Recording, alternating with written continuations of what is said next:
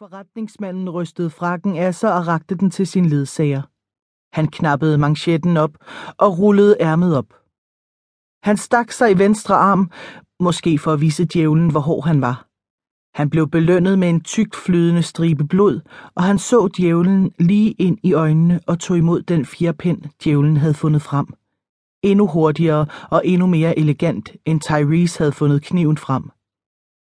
Forretningsmanden dyppede spidsen i blodet og skrev sit navn på det øverste dokument, mens chaufføren holdt det fast mod ledermappen. Da han havde skrevet under, gav han kniven tilbage til chaufføren og tog frakken på igen. Chaufføren fulgte samme procedure som sin arbejdsgiver. Da han havde underskrevet sin kontrakt, pustede han på den for at tørre blodet, som om han havde skrevet under med en tus og var bange for, at den skulle blive gnidret. Da underskrifterne var på plads, smilede djævlen. I det øjeblik lignede han ikke længere en succesrig forretningsmand. Det så han alt for begejstret ud til. Du får en bonus, sagde han til forretningsmanden, fordi du har taget en ekstra sjæl med. Hvordan har du det forresten? Som jeg plejer, sagde forretningsmanden. Han knappede frakken. Måske lidt vred.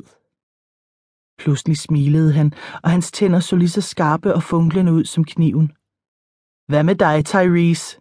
Spurgte han sin ansatte. Lidt urolig, indrømmede Tyrese, men jeg skal nok klare det. I var begge onde mennesker i forvejen, sagde djævlen uden antydning af fordømmelse i stemmen.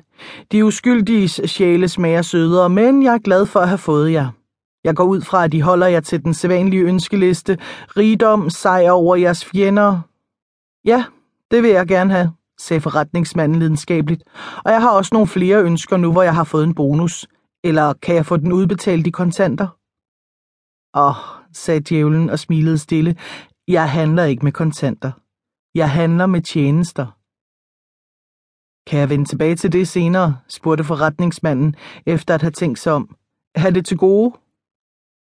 Djævlen så ikke helt uinteresseret ud. Vil du ikke have en Alfa Romeo, eller en nat med Nicole Kidman, eller det største hus i det franske kvarter? Forretningsmanden rystede bestemt på hovedet.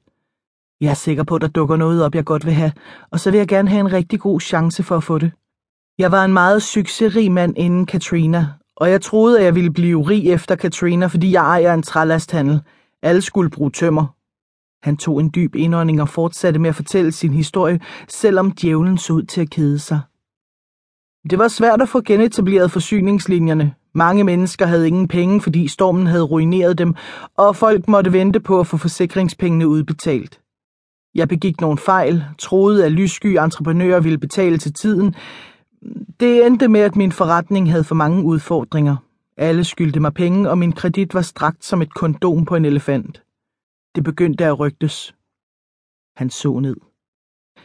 Jeg er ved at miste den indflydelse, jeg havde i byen. Dette vidste djævlen muligvis allerede, og måske var det derfor, han havde henvendt sig til forretningsmanden. Men han var tydeligvis ikke interesseret i hans klagesang. Så ser vi rigdom, sagde han rask. Og nu glæder jeg mig til at høre dit ønske. Hvad ønsker du dig, Tyrese? Jeg har også din sjæl.